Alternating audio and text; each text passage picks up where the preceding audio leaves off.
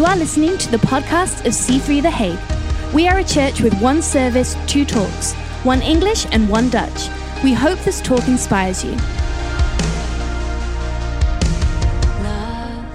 So we're starting a series called uh, Friends and Family, and really our heart for the series is to um, to share a couple of thoughts around really the value of church as a community. Um, because church is way more than a place you attend or a club that you're a part of. Um, church is really God's way of creating a community around Christianity, and and I think it's really important. So I want to read this scripture to you, uh, which is John 15, verse 12. John 15, verse 12. By the way, I'm talking to a microphone, so our podcasts are recorded and everything, and um, and so uh, we're getting some good feedback from that as well. Um, but uh, this is Jesus talking, John 15, verse 12. My command is this love each other as I have loved you. Greater love is no one than this to lay down one's life for one's friends. You are my friends if you do what I command. And then he says this, and this is kind of what I want to focus on. I no longer call you servants because a servant does not know what his master uh, doesn't know his master's business. Instead, I have called you friends. For everything that I learned from my Father, I have made known to you. You did not choose me, but I chose you and appointed you so that you might go and bear fruit, fruit that will last, and so that whatever you ask in my name, the Father will give you. And then again, he says, This is my command love each other. So, if that was a bit quick, um, don't worry. We're just going to focus on these the two statements of Jesus I have called you friends and love one another. And um, so, so just just to be real candid with you, I am not a big sports watcher. I know some people that might be disappointing because sometimes we um, we plan things in church. I, I was doing a connect group. Um, I was leading a connect group this season, last season, uh, with a couple of guys. And one night, uh, a lot of the guys didn't show up, and they said, "Oh, I, I cannot." They canceled, but it didn't give me a reason, right? And um, so at Connect Group, I found out um, it was uh, half finals of the Champions League for uh, Ajax playing.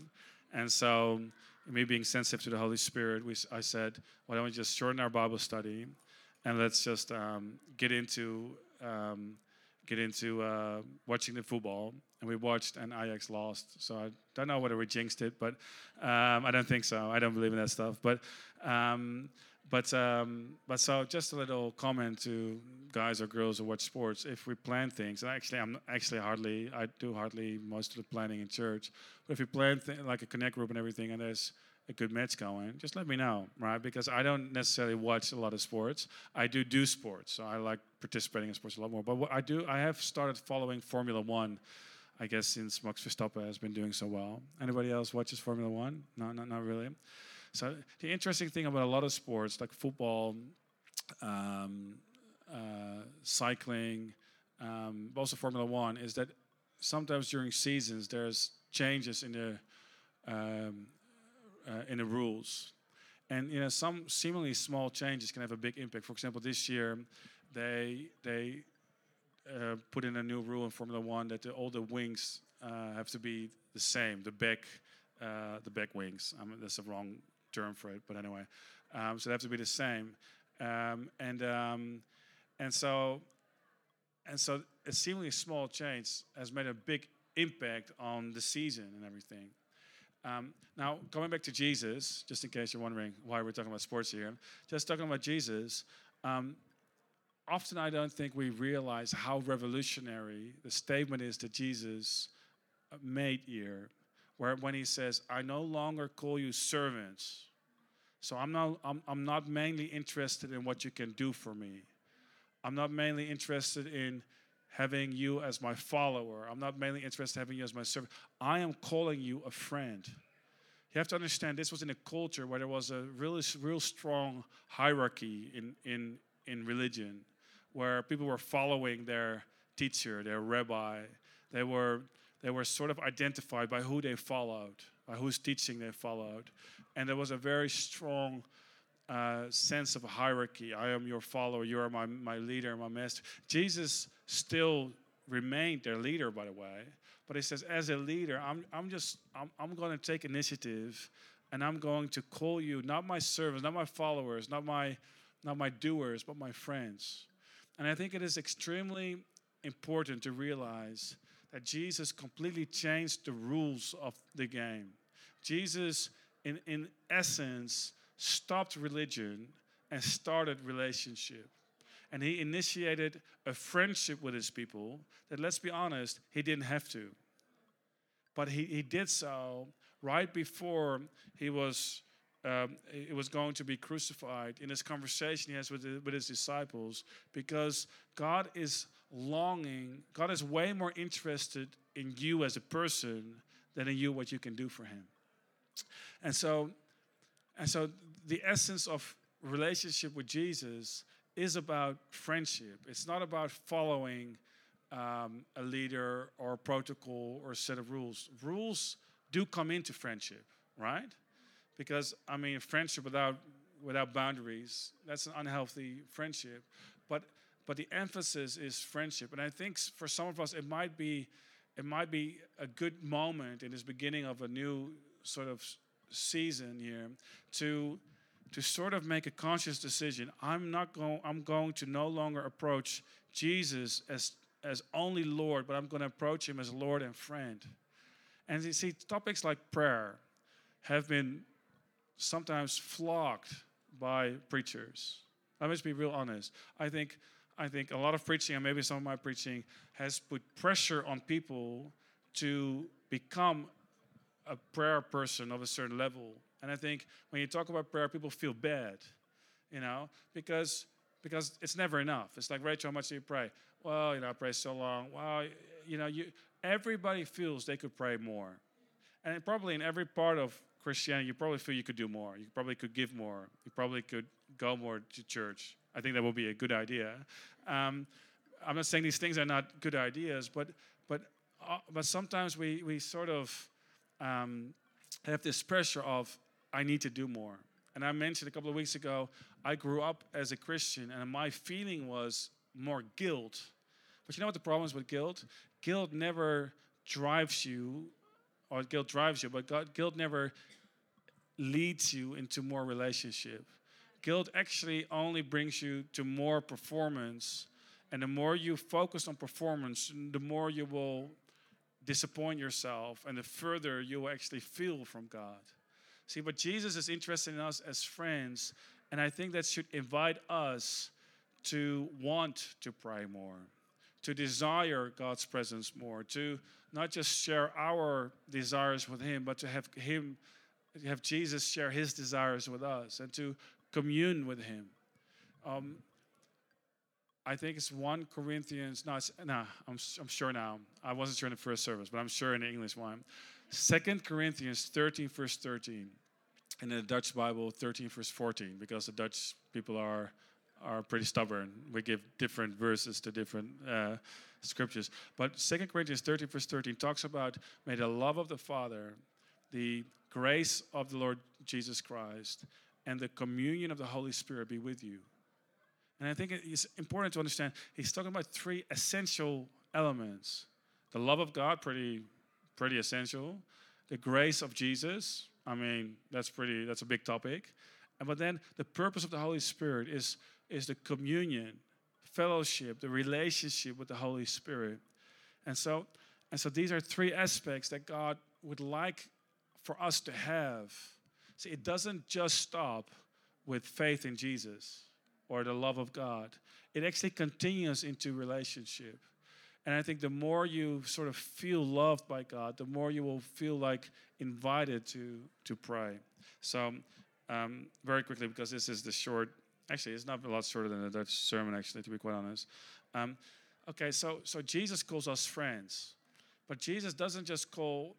Um, Uh, also, uh, so let me say this: Jesus calls us friends but we're also encouraged by Jesus at the, in this conversation, him calling us friends to have relationship with each other, right? So he says, "I'm calling you friends. Love one another."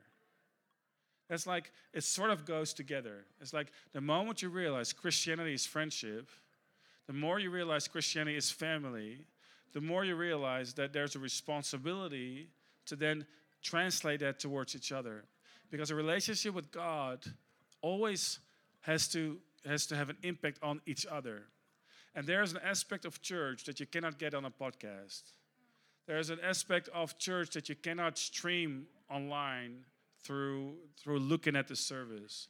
There's an aspect of church that you cannot get by just attending a service. There's an aspect of church that is, that is the people aspect, which is an unmissable ingredient for, for church to be what God has designed it to be.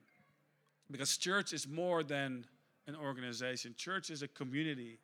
And see, I love having internationals in the church because some of the Indonesians, for example, they so they're so great at having meals and and the good food is good, by the way. And and there's different cultures that are so much more communal. Sometimes, though, I find uh, a lot of cultures that are very communal can also become quite exclusive because it's like this is my family, and so my family is now priority. And so sometimes I find people who prioritize family sometimes this sort of don't understand the value of a church family.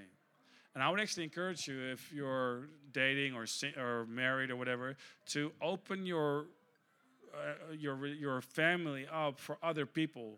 To have single people in your home, to not just meet with couples or other families, but to but to to understand the aspect that as as a as a person, if you have a home, you can you can you can sort of you can sort of help other people in church to find that sense of community in the home. Because there will be people traveling into the city. You know what? And the feedback that we are getting is is that is that when, when they especially internationals when they come to church they're not just looking for a service. They're looking for community. And you would know this. And so to be able to bless other people with community to invite them for lunch after a service to you don't have to do it in your home but to just go to a place nearby and uh, like a cheap restaurant or, or just have a, a burger or whatever and to just have like a little moment of, of connection. I mean it can mean the world to people. And, um, and so we are called to, to, to not be just a team of servants. I do apologize for noise. I don't know why it's so noisy today. It's the busyness. It's not locked. Ah we need to lock the doors. And also, we need to get back to the Diligentia soon. It will take a couple of weeks, we'll be back in Diligentia, but obviously, Diligentia works a lot better for us. Uh, pray for us that we'll be able to secure it every week or somehow miraculously. Um, there's a couple of things that are really happening. We're, we've secured an extra cafe, for example, the extra cafe area, and so we can probably we might be able to do meetings there. But anyway, um, so Christian has to be something that we do to each other, right? And so. Um, Okay, so and so let me share this. This this actually this message is going down a lot more easy than the Dutch message because I felt like I was struggling a little bit halfway. Don't tell the guys, but I was just like, you know, I just took too long on a couple of points. So you, you guys are really getting the filtered message. Sometimes I add a couple of things, but sometimes I just it just comes more easily, you know. And so um, um, and so the, the last thought I want to share with you, and I think this is kind of a big thought, is that. Um, let me just read the scripture Romans 12, verse 10. It says, Be devoted to one another, honor one another above yourselves. And you know, the Dutch translation says, um, Go ahead of each other in honor. So it's basically saying, out honor other people, honor them more than they honor you. And so I, I really want to encourage us as a church, as, as people in a church, to, to be the first in honoring other people. And uh, you know, to be really quite honest, subconsciously, I think all of us, and I've and I'm I'm no stranger to this, we have sort of like a balance sheet of relationships. You know, maybe you've got a sister or a brother or friends or people in church, and you're like, I'm showing way more interest in you than you are showing in me. You know, do you know on, on, if you're on social media, some people you like them you like way more of what they're doing than what they than, than, than them liking you. Sometimes you get a you get a comment from them, but it's like a comment to show appreciation for the fact that you you liked something, or maybe they like your comment, and that's it. Ah, I like your comment. They say I like the fact that you comment on my stuff. They don't bother to go to you and then like something you're doing. No, no, they just, they just their relationship is it's just them accepting the fact that you like them. And that's great. And some relationships are a little bit like that. And to be quite honest, at a certain point, I get a little tired of some people. Some people I start unfollowing, or I'm following them because I don't want them to see that I'm not following them, right? But then I'm just I'm just holding up a secret protest, saying, you know, I'm I'm, I'm going to clear the balance sheet. Like I've got 23 likes your way, and you got two likes my way. It's time. It's time, my friend, to see some change happening. So I'm gonna even the score here. Does it feel personal to some people? Do you know? On a more real level, on a more uh, important level, that can that can take place in churches, where you know when somebody gets like a miracle, or somebody prays one time, and the next day they're like they get like their dream job, and you can feel like you know what? I'm not gonna I'm not gonna celebrate with you on that it's, it's, it's been so easy for you. Look, look at you. You know, look at where you come from and, and also letting your connections and everything. I'm not, I'm not going to celebrate that. Why would I celebrate the strong? You know, like wh- why not celebrate? Well, I'm not saying that you're weak, but you, you know what I mean. Why would I celebrate what? And so, and so, and, and, and let me just say this: it will be so great if we can be known for going ahead in honor, for being the first to honor. You know, not many people care about those who come second. You know, Nicholas from New Zealand, but I actually had to had to sort of check this out. D- do you know by like uh, like who who climbed the Mount Everest for the first time and when? Do you know when? I don't know when. Okay, sorry. Okay. So so so Sir Edmund Hillary climbed the Mount Everest on the 29th of May, 1953. I had to look that up. I don't know that by head, right? But if you're in a climbing community, as some people in a church are, you probably, that's like the benchmark, right? Um, you know, it, we live in a time where there's traffic jams on the Mount Everest. But, but listen, like Nicola knows who, who climbed the Mount Everest, on the, who was second place? Tenzing. Tenzing. And he was in the same crew, right? So he was, he was one meter behind him. So that, and actually, it's, it's sort of like disputable who was first. I, I something, okay, now so no, okay, so Sir Edmund is like okay, so I heard Nicholas say something else behind the microphone. No, no, that's fine. We, are like now, now we're just um, okay. So I actually heard stories that it was a little controversial, but anyway, so he was in the same team. But you know, the second team, we don't care about the second team. Like, it's not interested who's who climbed Mount Everest the second time, because you, you know what? The first crew had to pay for the path. That, that those pictures you saw with the traffic jam on Mount Everest, that was correct. That was the the, the route. I, I'm, I'm gonna assume it was the route. I'm not assuming because Nicholas is from New Zealand. That was the route that he picked out. He trailblazed that route. So we're interested in pioneers. We're not interested in those who come second. And so here's the thing when you honor someone, when you love first, when you serve first, when you outgive somebody, when you outdo somebody else, do you know what? Greatness um, is determined by who goes first. Greatness is not determined by who goes second. In your family, why not be, and I'm talking a little bit to everyone in this room right now, including myself, why not be the first to love? In your marriage, why not be the first to serve? In your relationship why not be why not give a little more? Because in this society people are like you know what? You really shouldn't outgive your partner. Girl eh, you know you should really like you should get what's yours. You know you, you, get your get your husband under control. Let him let him you know. And, and so and there's a little bit of a thing where i sometimes find that some people counsel my wife saying you know what? You're you're too nice to your husband you know. Like i'm, I'm just telling you right now that's not going to help anybody this whole thing about about in Dutch call the Dutch people call it giving and taking. You know, we don't call it giving and receiving. We call it giving and taking. But, you know, it's going to be way more beneficial if you outserve somebody. And so, and so, just to relate this to church, you know, there's there's often you will see that in churches there's a small portion of people doing most of the work. There's a small portion portion of people doing most of the giving. That probably is a human reality we're going to have to deal with in some ways. But you and I, we can make a decision to be one of those people who will build, who will, who will serve. We're not going to look at is somebody else reciprocating? You know, I'm not going to look at my giving as, oh, I'm paying for these chairs. It's time that other people pay for the chairs, you know, or for the room or whatever. But you know what? We're doing this and we're willing to be the first to serve. But you know, talking about Jeffrey and Anna Sophie, um, who got a baby, as I mentioned at the beginning of this message, Anna, Anna Sophie called uh, uh, Bo, as we call her, uh, Deborah, and just mentioned, look, it's, it's like a little bit busy.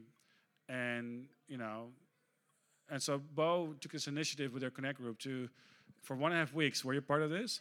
Um, a group of, I, I, I, think girls, I'm not going to be sexist about it, but Bo mentioned they were girls, so that was an assumption. Just say, oh, okay, okay, dude, you're my hero, dude. that is amazing. Okay, so a group of people, you know, um, were informed. Nobody told me, by the way, but anyway, um, I was just on holiday. But just uh, cooked for them for a week or one and a half weeks. And you know what? Their family and friends commented saying, "Ah, oh, is that what churches? Wow, church also does that." And you know, you and I are like, of course churches do that because you know that's logical. But you know, that speaks volumes when we when we serve one another, when we suffer with those who suffer, when we cry with those who are mourning, when we when we celebrate with those who are celebrating, without saying, "Hey, look, we've celebrated you last week." you know, you had a miracle at work last month. You know, it's time to celebrate somebody else. No, no. Why don't we just celebrate what's worth to be celebrated? Why don't we just, you know, when one part of the body gets honored, we we're all honored. When part, one part of the body suffers, we all suffer. And if we can create a sense of community that is a little bit more like family, I think church can be extremely powerful. Because that's when people see, hey, hold on.